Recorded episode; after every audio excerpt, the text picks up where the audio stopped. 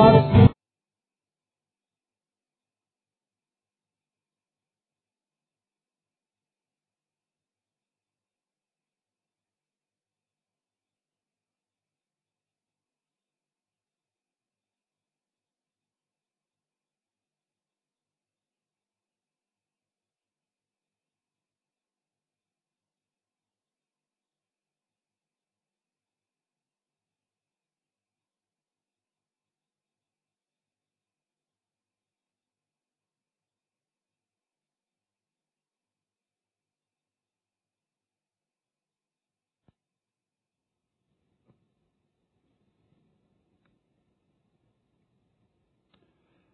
Kom ons buig net ons hoofde vir 'n paar oomblikke in gebed.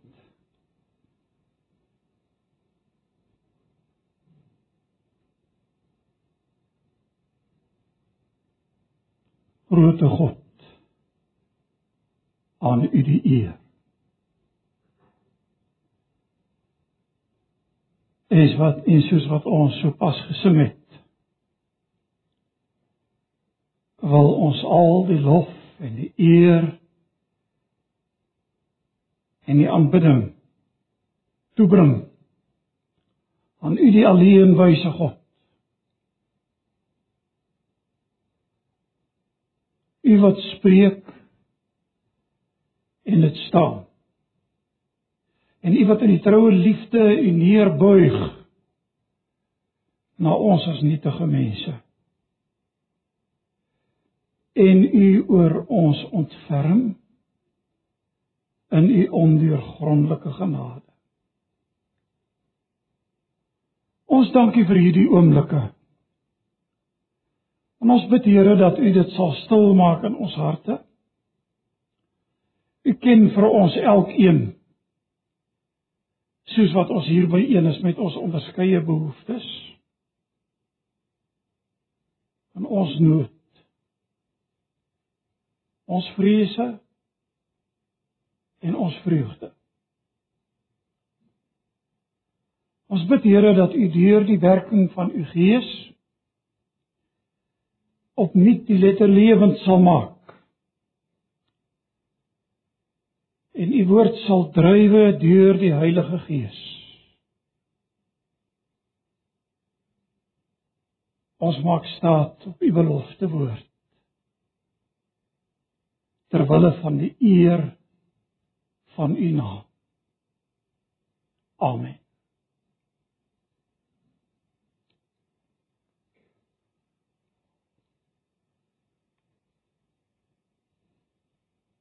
Op 25 Desember verlede jaar, nou hier was nou heelwat van julle mense nie hier nie. En dan was hier daarom nou 'n groepie wat hier was. En ek sal nou nie weet wie hier was en wie nie hier was nie, so kan ek nie onthou nie. Maar ons het te staan gekom voor die vraag en dit was vir my nogal in daardie tyd 'n belangrike vraag. Maar aan 'n aanleiding van wat Jesus by geleentheid toe by sy disippels was na hulle gekyk het en vir hulle gesê het Wie sê die mense dat ek die seun van die mens is? En na verskeie antwoorde toe sê Jesus vir sy disippels maar julle Julle, wie sê julle? Is ek. En Petrus se aangrypende antwoord: U is die Christus, die seun van die lewende God. En Jesus wat vir hom geantwoord het: Salig is jy Simon seun van Jona, want vlees en bloed het dit nie aan jou geopenbaar nie, maar my Vader wat in die hemel is. En ons het voor die vraag te staan gekom ons, ons wat hier by mekaar is. Wie sê ons is Jesus? Wat u sien om in Jesus te glo as verlosser en saligmaker is baie belangrik. Maar ewe belangrik is dat u en ek ook sal weet wie en wat Jesus is. Omdat 2 Johannes vir ons baie duidelik sê dat hy wat nie glo dat Christus in die vlees gekom het nie, hy is die anti-kris. Dis met ander woorde wat ek van Jesus sê, wat ek van Jesus glo, is belangrik. Maar by daardie geleentheid het dit gegaan om Jesus as persoon waarlik God, waarlik mens in een persoon verenig. Dis sodat die Bybel hom aan ons voorhou. Nou weet jy, ek wil nou vanmôre voorlees uit uit Hebreërs. En Hebreërs is merkwaardig. Een van daardie Nou as ek sê brief, dan uh, volg ek nou maar die tradisionele verwysing na Hebreërs as 'n brief. Sommige reken dat dit 'n preek was met 'n slot soos 'n brief wat daar bygevoeg is. Nou dis irrelevant, ek dink die betekenis van die brief bly presies dieselfde en uit die mag van die gewoonte sal ek maar deurgaans verwys na brief. Die brief aan die Hebreërs is een van die merkwaardige gedeeltes in die Bybel, boeke in die Bybel wat beide die godheid en die mensheid van die Here Jesus op 'n uitsonderlike wyse onderstreep. Die godheid van die Here Jesus kom sommer reg aan die begin na vore wanneer die Hebreë skrywer vir ons probeer aandoon hoe dat die Here Jesus verhewe is bo die engele. En ek kan maar deurgaan hoe dat hy verhewe is bo Moses hoe dat hy verhewe is bo die hoë priester, hoe dat hy die ewige hoë priester volgens die orde van Melchisedek is. Maar terselfdertyd weet jy as jy nou mooi gaan lees dan sien jy maar Hebreërs is ook die boek wat uitsonderlik handel oor Jesus wat absoluut volkome geheel en al mens geword het. Broers en susters, ons staan hier voor 'n verborgenheid. Verborgenhede wat u en ek met ons menslike begrip nie werklik kan omvat nie. 'n Verborgenheid wat deur die woord van die Here na ons kom om aanvaar en geglo te word. Luister wat sê Hebreërs hoofstuk 2 hier vanaf vers 16. Dis duidelik dat dit vir hom nie om die engele gaan nie, maar om die nageslag of die saad van Abraham. Luister nou hier. Daarom moes hy verwysend hier na Jesus in elke opsig aan sy broers gelyk word is dit nie ongelooflik nie. Voorwaar 'n hoë priester wat met jou en met my in ons gebrokenheid en in ons menslike swakheid medelee kan hê. Hoekom? Omdat hy aan ons gelyk geword het, sê die Bybel, in elke opsig. Hebreërs motiveer dit verder aan en ek kan nou nie by al hierdie gedeeltes stil staan nie deur te sê hy is in elke opsig versoek net soos ons maar sonder sonde. Dis die Jesus wat ons aanbid. Waarlik God, waarlik mens wat na hierdie wêreld toe gekom het. Ter wille van jou en van my en ter wille van sy ganse skepping Want sê die apostel Paulus in Romeine 8, daar's die hoop dat die ganse skepping vrygemaak sal word van hierdie verganklikheid. Nou, hoe word sy werk vir ons saamgevat? En dis waarby ek nou wil stil staan vanoggend in Hebreërs. Hoe word sy werk vir ons saamgevat? Nou ek wil vir u voorlees uit Hebreërs hoofstuk 1 En ek het nou die multivertaling hier by my. So u kan hom volg of in die ou vertaling of in die nuwe vertaling. Ek sal gedeeltelik nuwe vertaling lees en hier en daar afwyk uh na die multivertaling. Uh ek ek is seker u is bekend daarmee, dis dis maar die nuwe vertaling wat vertaal is en dan het uh 'n klompie akademici gegaan en ook ander moontlikhede maar net in rooi hakkies bygevoeg uh om die teks te vertaal of dit duideliker te stel. Hebreërs 1 en ek gaan vir u lees vanaf vers 1.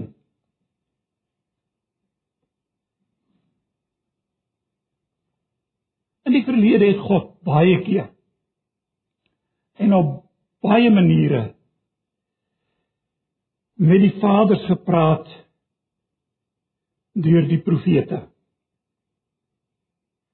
Maar nou in hierdie laaste dae het hy met ons gepraat deur die seun.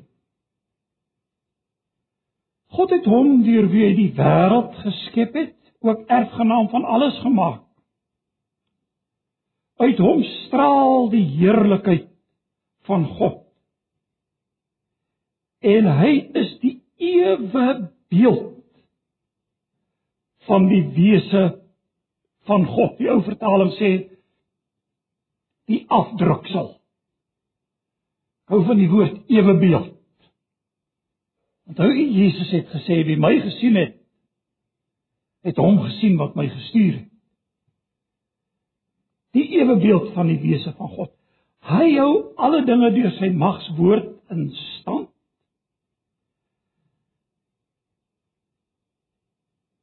Nadat hy die reiniging van sondes bewerkstellig het, het gaan sit. Het ek nou nie 'n stuk uitgelaat nie. Nee, ek het nie. Nadat hy die reiniging van sondes bewerkstellig het, het hy gaan sit aan die regterrand van die majesteit van in die hoë hemel. Hy is net so verhewe bo die engele as wat die naam wat God hom gegee het voortreffeliker is as hulle naam. Ek lees net tot sover en ons gaan nou dieper ingaan in hierdie hele skrifgedeelte wat ons saam gelees het. God het gespreek sou 'n mens as tema reg oor hierdie Hebreërbrief kon skryf. Hy het hom nie onbetuig gelaat nie. Jy sien God het hom op 'n buitengewoon op 'n besondere manier bekend gemaak. En in hierdie bekendmaking van God is die sluier gelig sodat jy en ek as gevolg van die sonde wat hom van nature nie kan ken nie, hom kon leer ken. En dis presies wat die Hebreër briefskrywer hier doen. Hy begin in die ou tyd. In die verlede. In die ou tyd sê het God gespreek. En natuurlik is daar nou 'n belangrike ding wat ons vanoggend in gedagte moet hou, naamlik die verhouding tussen die ou tyd En nou naamlik die een van belofte en die een van vervulling. En in hierdie gedeelte weet u word die drie ampte van die Here Jesus Christus op 'n treffende wyse uitgebeeld. Naamlik die van profeet naamlik die van priester en die van koning. En dit streffend hoe dat hierdie drie ampte vanuit die Ou Testament sy vervulling vind in een persoon in Jesus Christus. Nou kom ons gaan terug en ons kyk in die verlede sê hy het God baie keer en op baie maniere met ons vaders gepraat. Wat beteken dit? Dit gaan terug na die Ou Testament. Dit gaan terug na die profetiese woord van die Ou Testament want God het gepraat. En dit lê tog ten grondslag van die profetiese woord. So spreek die Here. Want dit was die doel van die profetiese woord. En op hierdie manier het God hom bekend gemaak, sê die Bybel vir ons baie keer Nou die New English Bible vertaal hierdie baie keer op fragmentaries. Nou moet ek daarom hierdie stukkie humor bybring. Studente vroeër jaar het my baie gespot en gesê in my Bybel is daar twee boeke. Nou dis daarom nie waar nie, hoor. Maar hulle het gesê in my Bybel is daar twee boeke. In die Ou Testament is dit Hosea. Want Hosea is vir my 'n baie besondere boek omdat daar daardie boek in die Ou Testament op 'n ongelooflike, onverstaanbare manier die liefde van God verduidelik. Gaan lees hom weer. Dis aangrypend. As jy Hosea lees, dan kom jy jy sê, kan dit nie glo nie, ek kan dit nie dink So liefde kan ek nooit ooit verstaan. In elk geval dis Hosea. So dis die een boek in Hebreërs was die Nuwe Testamentiese een. En ek is so baie lief vir Hebreërs veral omdat belofte vervulling in Hebreërs so pragtig na vore kom. Nou my ou Bybel en dit was nou die ou vertaling. So sagte band, so dunnetjie gewees. Was 'n was 'n grand Bybel op sy dag. Maar so met die jare het hy nou begin versluit, jy weet. Blaaie losgeraak. Ek weet nie, maar dit gebeur ons baie, dan kom daar soms sulke dele los. En as ek nou uit die Bybel uitlees met die ou Bybel, dan moet ek altyd keer, jy weet, want van die dele val uit. En toe ek nou vir die studente sê in die verlede het God baie keer, as soos die New uh, New English Bible sê, fragmentaries Toe sê hulle vir o, dis seker soos jou Bybel lyk, so fragmentaries. Uh Maar wat beteken God het baie keer op afsonderlike maniere. Dis wat die teks vir ons sê, het God deur die profete gespreek. Deur Moses. En weet jy, ek wil vir u terugvat na 'n enkele gedeelte in die Ou Testament en net vir u kyk hoe treffend vir u wys hoe treffend dit na vore kom. Kyk saam met Deuteronomium hoofstuk 18.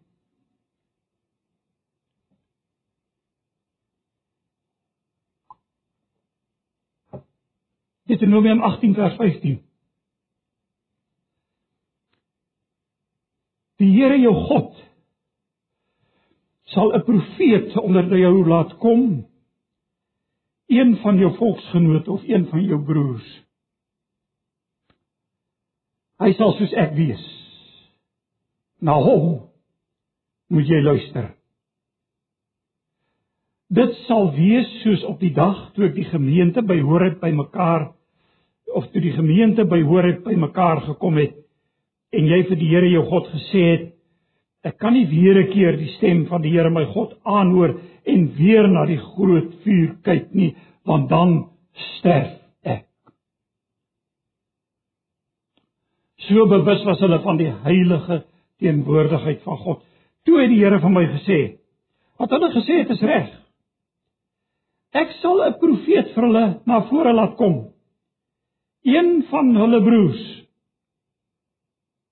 Hy sal soos jy wees. Ek sal my woorde in sy mond gee.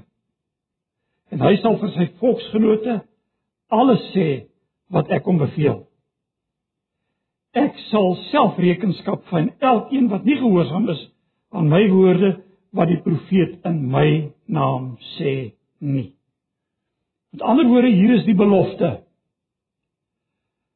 'n Baie ryker belofte as net die profetiese bediening in die Ou Testament. En wie sal ek nou nou vir u antwoord? Maar hier vind ons God se belofte dat 'n profetiese woord sy volk sal begelei Dit beteken God sal hom nooit onbetuig laat nie. Hy spreek, hy maak homself bekend aan sy volk. As hy dit nie doen nie, was sy volk en was almal van ons 'n stukke duisternis. Maar God maak hom bekend en hy sal 'n profeet aanwys, een soos jy sê. En hier is die belofte van die Ou Testamentiese woord dat daar 'n profeet sou kom. Een soos jy en weet jy as jy nou saam met my blaai na Handelinge na Handelinge toe, dan vind 'n mens die uiteindelike wat my betref vervulling van hierdie belofte en ek weet daar's baie Ou Testamentiese wat dit nie graag so wil lees nie, kan nie anders as om dit so te verstaan nie, gaan saam met my na Handelinge hoofstuk 3 vanaf vers 22.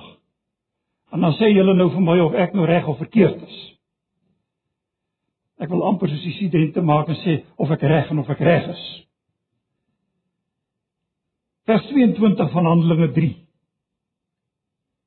Moses het immers gesê: Die Here julle God sal uit julle eie geleedere vir julle 'n profeet soos ek laat voortkom.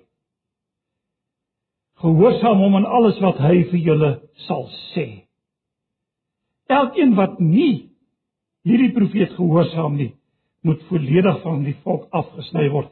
En al die profete van Samuel af en daarna, almal wat opgetree het, het ook aangekondig wat in hierdie tyd gebeur of ook vertaal word hierdie dae voorspel.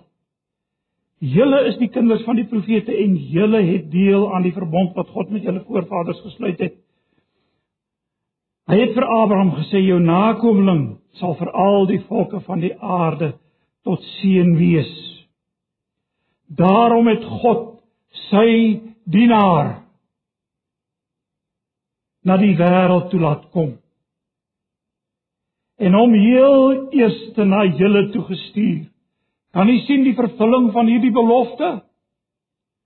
Wat vervul is in die koms van die Here Jesus Christus, die profeet wat sou kom. So God het in die ou tyd op baie maniere hom nie onbetuig gelaat nie. Maar die Ou Testament was op pad nie van 'n minderwaardige naam, heerwaardige vorm van openbaring nie, maar van hierdie belofte wat God gemaak het na die vervulling daarvan toe die Here Jesus gekom het. Dis waaroor dit gaan. En nou word Jesus vir ons as profeet voorgehou, want luister hier, hy het tot ons vaders gepraat deur die profete, maar nou en nou wil ek hê u moet mooi luister. Want dit kan nou baie keer nogal sensitief wees. Maar luister wat sê die Bybel. In hierdie laaste dag En weet jy dit gebeur nou nogal baie.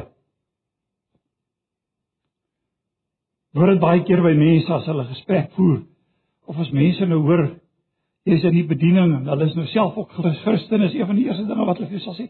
Hy ons leef daarom nou in die laaste dae, né? Nou daar's 'n element van waarheid in. Dit is so. Maar daar's ook 'n element van van verwarring in.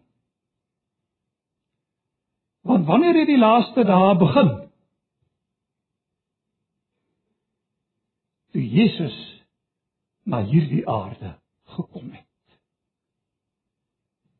Dit was die aanbreek van die laaste dag. En daarom sê die Hebreërskrywer maar nou in hierdie laaste dae eskatos is die woord wat hier gebruik word. Waarvan die eskatologie afgelei is. In hierdie laaste dae het hy met ons gepraat deur die seun Jesus se koms na hierdie wêreld. Die vervulling van die Ou Testamentiese belofte in Christus was die inleiding van die laaste dag. Weet jy hoe ver trek ons nou? Ek reken ons sal dalk vir mekaar moet sê aan die einde van die laaste dag. Aan die einde van die laaste dag. Onthou u die dag by die uitstorting van die Heilige Gees? Wat sê Petrus toe hulle sê hierdie mense is dronk? Toe sê hy nee, is maar 9 uur, 9 uur in die oggend.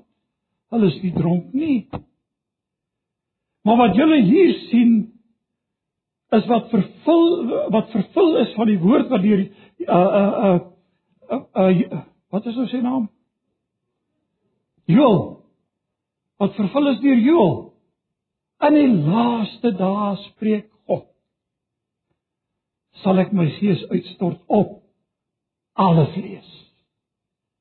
Laaste dag, Hebreërs. Sluit hier by aan, weet jy? Hebreërs 9. En dit is vir my so 'n treffende gedeelte waar hy verwys en ek gaan dit nou nie lees nie, anders gaan ons nou lank besig bly. Maar Hebreërs 9 sê hy het aan die volëinding van die tye deur sy offer die sondes van die wêreld kom wegneem aan die volëinding van die tye. In hierdie laaste dae het hy tot ons gepraat deur die seun. Sy woord is gesaghebend. Sy woord staan vas. Hy is die vervulling van die gans die beloftes van die ganse Ou Testament. Onthou jy daar op die met die Emmausgangers toe Jesus aan hulle verskyn het na sy opstanding? Hy het van Moses en die profete alles uitgelê wat op hom betrekking het. Miskien moet ek net 'n terloopse opmerking maak. Ek weet die moderne tendens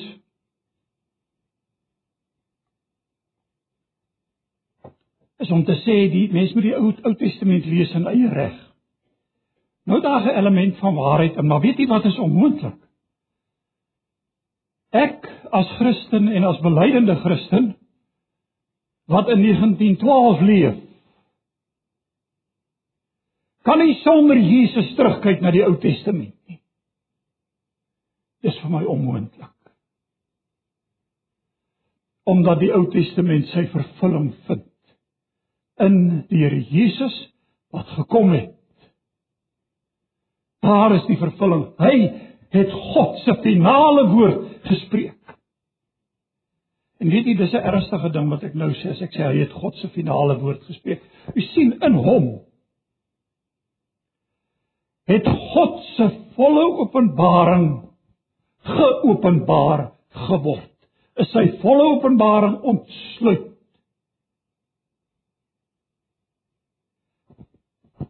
En afgesluit. Daar kan nie bygevoeg word by God se openbaring soos wat dit plaasgevind het in Jesus Christus nie. Ek weet ons leef in 'n tyd waar mense baie graag praat van nuwe openbarings en nuwe dinge. Nou weet jy enige iets wat enige iemand vir my sê, gaan toets ek aan die Bybel want dit is God se finale gesag en Jesus Christus die finale die hoogtepunt van God se openbaring. Hy het aan ons die hart van die Vader kom toon. Wie my gesien het, het ek reeds gesê, het hom gesien wat my gestuur het.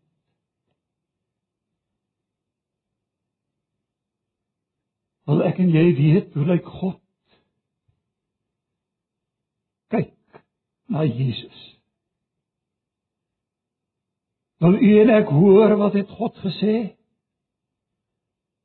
Luister na sy seun. Want weet jy die gesag waarmee die Here Jesus praat? U kan teruggaan in Matteus en gaan kyk. Daar praat Matteus in die bergrede En hy sê julle het gehoor dat die mense van die ou tyd gesê het, hy verwys dan terug na die wet, nie waar? Dan kom ek noem nou maar 'n voorbeeld. Julle het gehoor dat die mense van die ou tyd gesê het jy mag nie egbreek pleeg nie. En luister die gesag waarmee Jesus praat. Maar ek sê vir julle As iemand na 'n vrou gekyk het om haar te begeer, het hy klaar in sy hart egbreek gepleeg. Die gesag waarmee die goddelike woord tot ons kom, dat Jesus kan kom staan, letterlik voor die wet kan kom staan en sê dis wat die wet sê en hy interpreteer die wet heel nuut en hy sê, "Maar ek sê vir julle." Natuurlik het Jesus nie die wet daarmee tot niet gemaak nie. Die apostel Paulus hanteer dit hanteer dit pragtig in Romeine en dit vra vir 'n studie op sy eie. Maar hy het gekom hy het gekom om te vervul. Ek het die 25ste Desember die oggend ook verwys na die verheerliking op die berg met Moses en Elia. Verteenwoordigend van die wet en die profete en die stem uit die hemel wat kom en van Jesus sê dit is my geliefde seun luister na hom. Die volëinding die die volle omvang van God se openbaring. Natuurlik kyk ons na sy wederkoms. Natuurlik wag ons. Waarvan die apostel Johannes so mooi gesê ek sê dit altyd saggies want ek is so bang om dit te sê. Wanneer ons soos hy sal wees as ons hom sien van aangesig tot aangesig. Broers en susters, dit verstaan ek, dit klink amper vir my. Nou nou betree ek heilige grond as ek hierdie dinge sê. En ek is bang om daaroor te praat. Maar die Bybel sê dit. En wat beteken dit vir môre vir jou en my as dit gesê word? Luister wat sê Hebreërs. Hier van hoofstuk 2 en ons moet dit nou verstaan teen die konteks van hoofstuk 1. Hy sê in hoofstuk 2 vers 1 om hierdie rede moet ons soveel kragtiger vasgryp aan wat ons gehoor het sodat ons nie dalk wegdrywe nie as die woord wat deur engele hier kom hy weer en Paulus verwys ag die skrywer van die Hebreërbrief verwys hier vorentoe na na na engele as die woord wat deur engele en hier is ook 'n verwysing na die wet gepraat het of die woord wat deur engele gepraat is bindend was. Hoe sal ons ontkom as ons groot so groot saligheid verontagsaam van die woord van die seun het tot ons gekom. Oeh, die tyd gaan te vinnig. Want daar's nou nog twee, dit lyk vir my ek gaan een van die punte maar dat oor staan vir 'n ander keer. Maar net dan ten minste uitkom. Dis Jesus se profetiese ampt. Kom ons kyk vlugtig en hier is so baie te sê oor sy priesterlike ampt. Luister saam met my. Maar nou in hierdie laaste dae het met ons gepraat oor die seun. Wie is die seun? Dis hy deur wie God die wêreld geskaap het. Kan u sien hoe belangrik is hy? Hy het geskape. Hy was by die skepping van ewigheid af ook God. Dis wat ons van Jesus bely. Net 'n interessante opmerking Calvin het met die verbranding van Servetus wat die drie eenheidsleer verwerp het of met sy regstelling dat ek dit liewer so sê het hy gesê het Servetus kon vry gewees het Want toe Servetus net voor hy sterf het hy uitgeroep: "Wees my genadig seun van die ewige God." Toe sê ek al fyn plaas dat hy gesê het: "Wees my genadig ewige seun van God." Dis 'n groot verskil. Wees my genadig ewige seun van God by die skepping. Hy is die erfgenaam van alles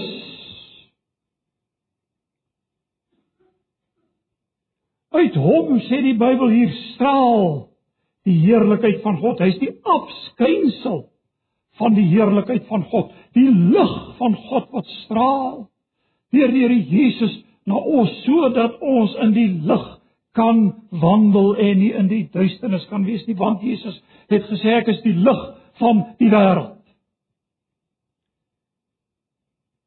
Uit hom straal die heerlikheid van God.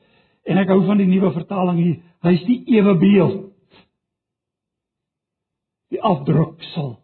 Die ewe beeld van die wese van God. Die Here Jesus en alleen deur hom ken ek die Vader. Niemand kom na die Vader nie, het Jesus gesê. Behalwe deur my nie. Geen ander weg nie, geen ander manier nie. Ek dink dit is nodig dat ons dit maar baie keer hoor in hierdie tyd waarin ons leef. Want ons lewe nogal in 'n tyd waar daar baie ander paadjies gesoek word. Baie ompaadjies. Ons het mos maar almal 'n stukkie van die waarheid weet, nie waar? Wat is nou waarheid? Dis jou interpretasie. Dit is mos die tyd waarin ons lees, die tyd van rasionalisme. Dis waaroor dit gaan Jesus het gesê niemand kom na die Vader behalwe deur my nie. Hy is die ewe beeld van die wese van God.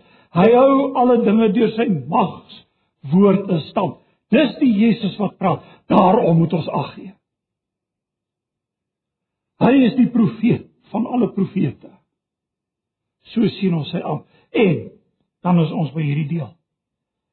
Nadat hy die reiniging van ons sondes bewerkstellig het, het gaan sit aan die regterhand van die majesteit in die hoogste. Nou hier's twee temas in hierdie enkele versie. En om hierdie twee temas nou hier met julle te behandel, gaan julle vir my verskriklik kwaliek. So ek gaan net by by een van die twee temas stil staan.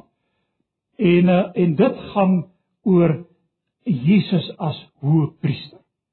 Nou weet jy in die inleiding, al gewoonlik in die inleiding van enige brief in die Nuwe Testament, kry jy altyd 'n oorsig, amper so 'n samevatting wat gaan volg in die res van die brief. Want as jy nou na hierdie kyk, dan sal jy sien hoe dat hierdie dinge wat hier hanteer word in u lees Hebreërs deur, hoe dat hierdie temas weer aan die orde kom in die res van Hebreërs. Dis Stefan. Maar hier sê hy hy het hy het sondes vir ons sondes verzoening gebring. Uh die teks lees nadat hy die reiniging van sondes bewerkstellig het. Hoe het hy dit gedoen? Deur sy offer. Deur sy hoë priesterskap, ewig priester volgens die orde van Melchisedek, gaan lees maar die res van Hebreërs. Jesus het die volmaakte offer gebring. Hy het homself gegee. Want sê Hebreërs, daardie offers wat gebring het gebring is in die Ou Testament, kon nie werklik reinig nie. Hulle moes dit maar elke jaar oor en oor en oor herhaal. Maar nou aan die volëinding van die eeu het Christus verskyn met sy offer om 'n volmaakte verzoening vir ons sondes te bewerkstellig. En weet jy net in praktyk wat beteken dit? En dit is vir my so wonderlik. Jesus is die lam wat vir ons geslag is. Die volmaakte vlekkelose lam van God. Ons het baie van hierdie liedjies gesing hier wat betrek net op dit wat ons nou hier praat vanoggend. Hy is die volmaakte lam van God wat geoffer is vlekkeloos. Wat sy lewe vir jou en vir my gegee het. Baie jare terug het een van ons leraars, nogal een van die jonger leraars, daar in Kenton Park. En ek was daar lidmaat. Uh terwyl ek voltyds daar by die seminarium was, en toe het hy gepreek oor hierdie offer. En ek het die treffendste illustrasie by hom gehoor. Hy het dit so mooi verduidelik. Ek sal hom dit nou nie kan nadoen. Maar ek wil tog net hê u moet iets vang van die kruks van dit wat hy gesê het. Hy sê dan die mense gekom met hulle offerlam en hulle het nader gekom na die priester en dit die offerlam geneem. Hy sê wat het hy gemaak? Het hy nou gekyk na die man en die vrou en die kinders wat hierdie op, offer gebring het en hulle so op en af beskou en gesê het As julle daarom nou netjies genoeg vir hierdie geleentheid, dan lyk julle daarom na oordentlike ragge mense. Uh van wie ek nie skaam hoef te wees nie. Kan julle daarom op hierdie manier hier in die openbaar verskyn? Nee, sê hy, hulle nie geraak gesien nie. Hy het na die lam gekyk. Die lam moes sonder gebrek wees. Dis die offer, die volmaakte offer wat Jesus vir jou en vir my sonde gebring het. Die volmaakte offer. En weet jy wat? Dis vir my die grootste genade om vanmôre te weet. As God na my kyk, in my gebrokenheid en in my swak menswees en in my nietigheid sien hy in my plek die volmaakte offer wat gebring is vir my sonde. Dis ook waar vir jou. Die Ou Testamentiese bedeling, die lam wat geoffer is. Sy vervulling in die Nuwe Testament. Die vlekkelose lam van God wat homself gegee het vir jou en vir my om in ons plek te sterf. Verstaan jy dit? Ek weet nie of ek dit verstaan nie. Ek is net dankbaar.